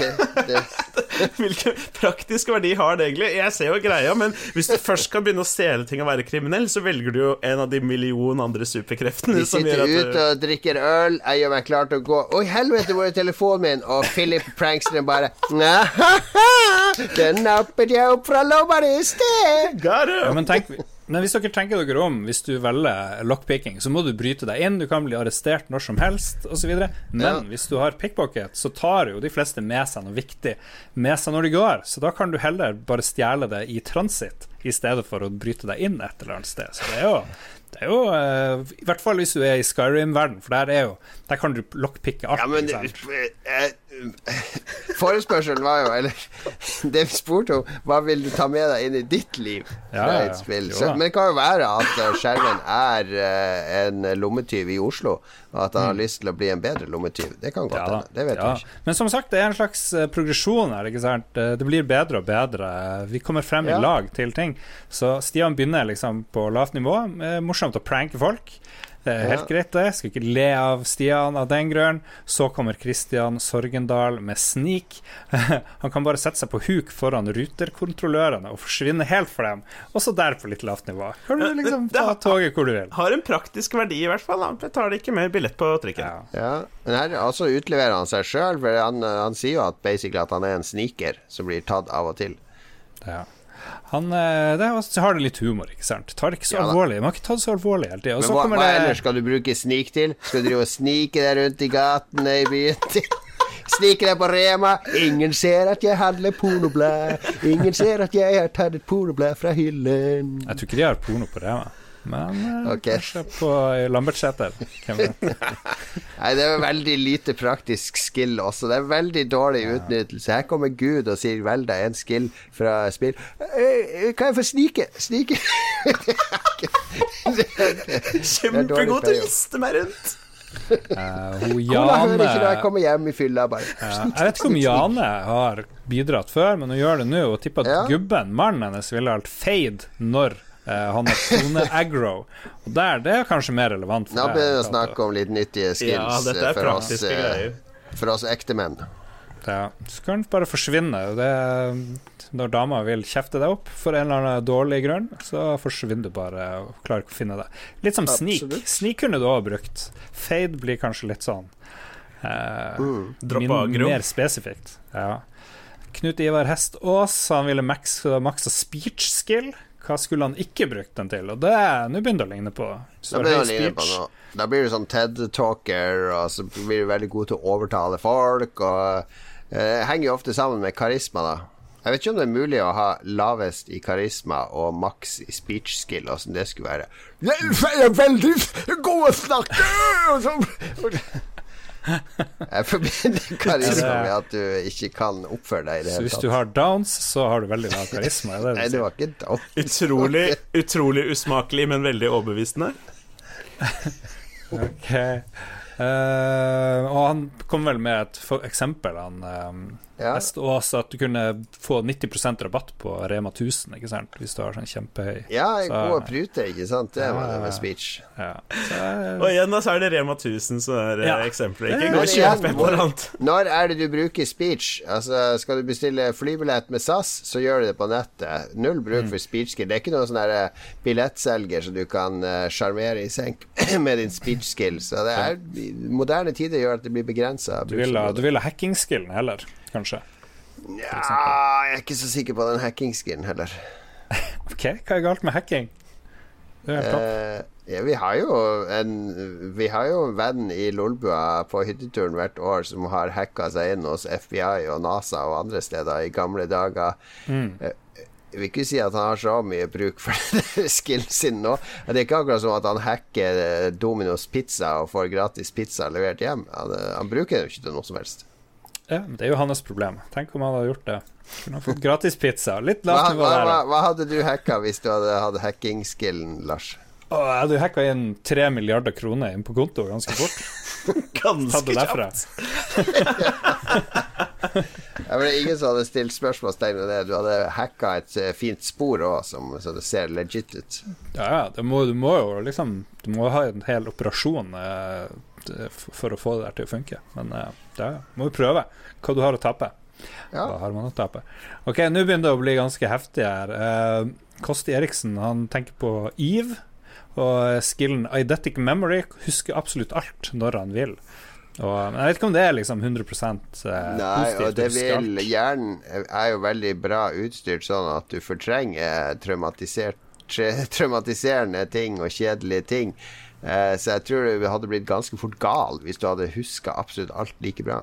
Ja, men han sier når han vil, så det er, Ja, han, jeg- han jeg- sniker seg unna. Jeg får ikke spilt det spillet, men liksom det virker som det er den type skill eller ability eller et eller annet sånt nå. Som EVE Online har Du kan du hele tida trene én skill på karakteren din, og det gjelder flere stages på de skillene. Å trene en karakter fullt ut tar sånn ti år eller noe sånt i real time. eh, hvis du skal ha maks i alle skills.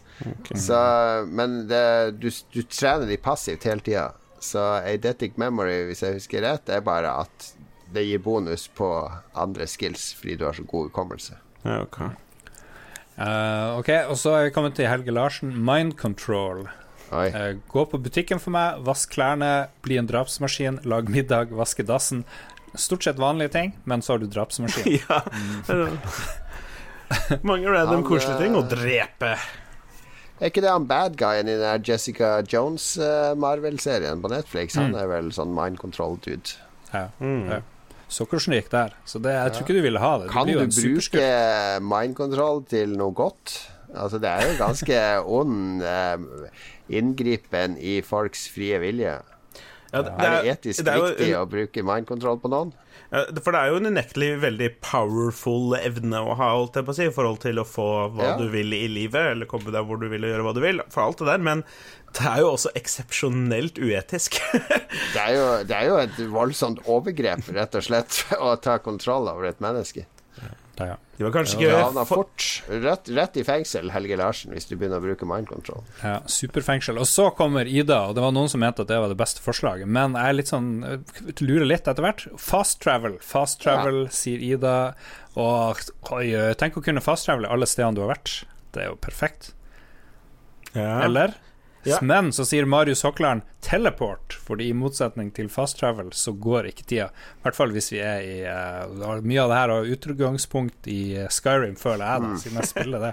Ja. Der går det jo masse tid når du driver fast traveler, så Og du vet jo ikke hva som skjer. I hvert fall i det spillet. Så plutselig du har bare sånn her to ukers uh, hukommelsestap når du reiser over hele kartet. Det må være litt kjedelig.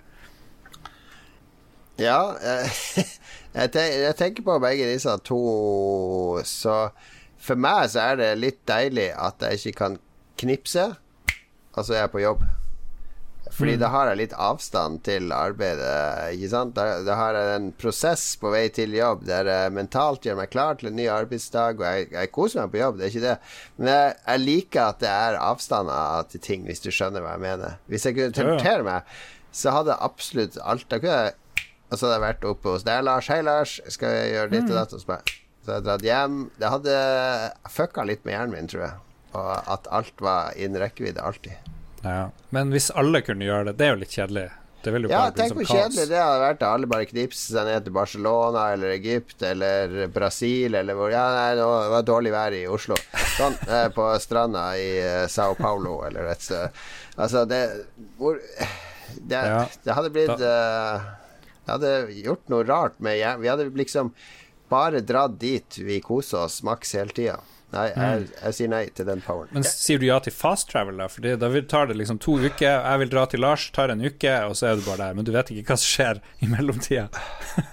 Nei, jeg Han Steve Curran, eh, som var redda i Edge, og som har konseptet Marioke, og har veldig bra talks hvert år på Nordic Game, sånne artistiske talks. Han hadde en hel talk om fast travel en gang, og hvordan han eh, spilte spill Han brukte aldri fast travel i spill.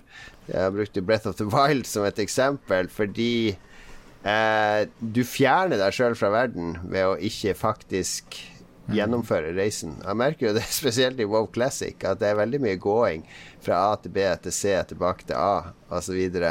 Som er litt kjedelig dødtid, men det er også Jeg føler meg mer til stede i verden fordi jeg må tilbakelegge de distansene sjøl, og ikke bare kan trykke på et ikon på et kart, og så er det en klokke som dukker opp i tre sekunder, og så er jeg der. Ok, Da er fast travel og teleport eh, begge forkasta. Uh, Jeg forkaster alt som lyttere Ja. kommer med. Alt lyttere har ikke peiling. Ja, for først, tenk, først tenkte jeg det hadde vært kult å spille, spille en podkast på en måte i stua til Lars hver uke, men det kunne vi jo gjort med teleport. Eh, samtidig så, så blir det sånn umiddelbart når jeg begynner å tenke på det, så blir det sånn OK, det hadde vært kult, men hvis vi hadde begrensa dette, eller begrensa dette, eller begrensa dette Men da begynner jo egentlig poenget Ja, igjen altså, å helt forsvinne. Tenk deg greia når du er invitert på Uh, fest. Altså ja, 'Det passer dårlig i kveld, for jeg skal ha en avtale da og da'. Men du kan bare teleportere hit og være her en time, Philip. En time, og så kan du bare teleportere rett inn. Det er umulig å snike seg unna de greiene man ikke har lyst til å dra Ja, på. jeg må skifte og sånn imellom. Ja, bare knips deg hjem, da, og så skifter du kjapt, og så er du tilbake andre festen på ti minutter. Nei, nei, nei, uff, det hadde vært kjempegøy, nå, fordi alle Plutselig så er det begynner folk å tenke på Faen, vi drar til Krabi og Riley Beach nede i Thailand. Ikke sant? Og Og så plutselig er du det én beskytte milliard deg. mennesker Og som så kan skal du dit. beskytte deg mot teleportere i ditt hjem. Ja, nettopp. Ja. Det er enorme problemer. Plutselig så står Philip der. 'Philip, jeg er ikke mer nå!' 'Philip, slutt nå å teleportere deg inn hit.' 'Ja, men Lars, Lars kan ikke spille Da litt.' må du lage et antiteleporteringsnett, da, så ha Ja. over huset ditt. Ja, teleport er, det er en curse for menneskeheten hvis det blir innført. innført, Ja, altså. kanskje Harald Mæland har et bedre forslag. Han foreslår rett og slett at du kan heale deg hvis du har skuddsår, kutt, stikk, fallskader. Bare ved å løpe over et førstehjelpsskrin, så blir du heala. Jeg vet ikke. Ja, Ja, Okay. Eller evnen heal hadde jo vært bra, i hvert fall hvis du kunne ta sånne ting som eh, kreft og sånn, med en cure disease. Mm. Ja. Det, det hadde jo vært faktisk meget nyttig. I uh, Skyrim går du bare bort til et shrine, og så ber du, og så blir du kvitt all disease uh, automatisk. Ja, det kan du gjøre i virkeligheten òg. Det er bare å gå eh, få de mormonerne inn i huset ditt, så, så blir du kvitt den forkjølelsen din på null komma niks, Lars. Til helvete. Jeg har, jeg har nummeret til noen mormoner. jeg. Bare ta med deg nok kontanter til lokale menighet, så blir du kvitt både det ene og Altså, det andre. Ring til de, og så får du de til å be for forkjølelsen din, og så ser du om det virker. Det skal jeg gjøre. Eh, til slutt så kommer kanskje det beste forslaget fra Morten Benkestokk Olsen. Og Benkestokk Olsen, er det et ordentlig navn? for Ja da, det er et ordentlig Ikke gjør narr. Vi har gjort narr av sånne navn før, og da har lytterne forsvunnet fra oss. Hva er en benkestokk? Det er et navn! Ja. Ja, men Det henspeiler jo på noe ekte. Tror det- dere var en benkestokk? Han liksom Det er bare én K. Benkestok? OK, sorry at jeg prøver å være morsom. Quicksave i det virkelige liv hadde vært Nå snakker vi noe spennende her, ja. Mm, Ja, apropos kreft og han kompisen som døde. Det var jo en annen kompis som sa til han Du quicksava på feil plass. Du glemte å save på den rette sted. Ja. Så ja, så Ja, fordi, før vi, fordi når vi går inn i den Fordi jeg tenkte at liksom Å, jeg har den beste, liksom. Men Quicksave er jo egentlig bedre. Fordi det jeg tenkte er at Sånn som dialogene funker i Star Wars The Old Republic, så kan du starte de på nytt igjen. Hvis du føler det ikke går så bra som det burde Ja. gjort. Og det hadde jo vært en kjempeflott mulighet å ha hatt eh, på jobbintervjuer og når du Ja, skal men det er litt på- Fordi quicksave, tenker jeg, det er én slott. Ikke sant? Jeg trykker F5, og så har du sava i quicksave-slott. Du har kun én slott. Mm. Så la oss si du blir sammen med en dame. Det er spennende. Hva er quicksave her i starten av forholdet? Og så går det tre år, så blir det helt sånn driten. Da må du spare den quicksavinga. Du kan ikke quicksave noe mer på de tre årene. Bare sånn OK, jeg loader tilbake, fordi jeg vet Det var kult i et par år, men så ble det det oh, her dama kan jeg ikke ha noe mer med å gjøre. Så du, du må være veldig forsiktig, eller du må være veldig bevisst med når du quicksaver, fordi du sletter den gamle quicksaven din da. Så dette, blir, dette blir, kommer til å bli et veldig stort element hvis alle hadde denne poweren i livet sitt. Men når skal vi Og så blir du sammen dame. Har du quicksava før vi ble sammen? Du har vel ikke quicksava? Når var, det, quicksave når var sist du quicksava, egentlig? ja. Ikke at jeg bryr meg, men jeg bare liksom lurte på om du liksom pleide å gjøre det ofte, eller? Ja. Jeg skjønner ikke om det skulle være så nyttig, den quicksavinga, egentlig. Jeg syns vi har kommet på en hel sesong med Black Mirror-episoder, egentlig, i denne Ja, det har vi faktisk. Det er sånn her Black Mirror ble til. Ja, men jeg vet ikke med både den der, det å starte dialoger fra begynnelsen av og dette med quicksave Jeg tenker bare sånn Kan jeg prøve helt utrolig mye crazy greier? Altså, Hvis det ikke funker, så kan jeg bare liksom Ja, quickloade quicksaven min. Groundhog Day er jo en eh, quicksave-fil som, som er korrupt. Stemmer det. ok, men det var, det var faktisk en del OK forslag der fra lytterne, for en gangs skyld. Eh, Bra jobba, lyttere. All righty. Apropos lyttere, takk til Patrion-støtterne våre, TTMXMP, Kobrakar84 og Rolf Helge Øvergård Ingebrigtsen. De har vært med oss lenge, og de er produsenter. Og hvis du vil bli produsent, eller støtte oss på en annen måte, for denne uka så kommer det en ny Roffelbua-episode. Yes, en, og den er tre timer lang, har jeg rykte om. Den er mer enn tre timer lang. Det blir, dere er på fest hos Christian. Samme Du, Katarina og Ståle og Christian. Og det blir veldig, veldig gøy. Eh, veldig morsomme ting når dere skal bestille pizza, som aldri kommer. Dere eh, driver og har øltest, som er ganske morsom. Ja. Og så driver dere og ringer sånne kundeservice-telefoner og later som at dere lager eh, en film med tvilsomt innhold. Skal ikke røpe alt. Det er i neste Roffelbua. Det kommer denne uka. Og så kommer vel også for Patrion, så får dere vel early access til eh, det nye ballshowet. C64 et ball. Det kommer òg til uka, og det blir Så- nytt show på ball i oktober.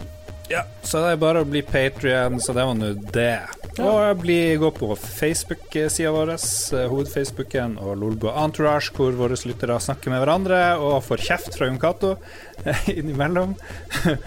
Sub Twitchen vår, hvor eh, Philip nå er veldig aktiv, så det blir gøy. Ja, Det jeg hører, er at det har aldri vært en bedre anledning til å engasjere seg litt i Lolbua, om det så skal være i i Facebook-gruppa, eller å komme seg inn på Discord-chatten endelig, eller begynne å, å følge med på, på, på YouTube og Twitch-streamene, fordi ja, det, er, eh, begynner å skje mer og bedre ting enn noensinne, og med Roffelbua-episode rett rundt hjørnet, så ja, det er noe å få med seg. Lolbua going strong, tror jeg vi kan konkludere med. Vi er tilbake neste uke. Da er faktisk valget over. Vi gleder oss i spenning. Har du vært og stemt, Philip? Jeg skal i morgen. Jeg har en greie med å gjøre det på valgdagen, med passet og I dress, valgkortet og slips. Tar du på deg slips og dress? ja, Og... Ellers så får jeg ikke lov til å stemme. Lars? Jeg skal jobbe i morgen, og da tar jeg som en del av jobben og stikker innom og tar bilde fra valglokalet. Og så skal jeg sitte på jobb hele kvelden og følge med, og det er gøy. Det er Jeg trodde du skulle si at du skulle jobbe i morgen, så jeg får ikke tid. eh, der, Men det var godt å høre at du skal stemme. Jeg har forhåndsstemt. Alle, alle må stemme, alle skal med, osv., osv. Eh, høsten kommer, spill kommer, og Lolbua fortsetter. Husk 6. oktober, tiltkast på eh, Tilt i Oslo. Det blir en magisk kveld med mange, mange gode podkaster. Og 5. oktober skjer nå. Annonsering kommer snart. Takk for oss. Takk for denne gangen. Ha det bra! Hei.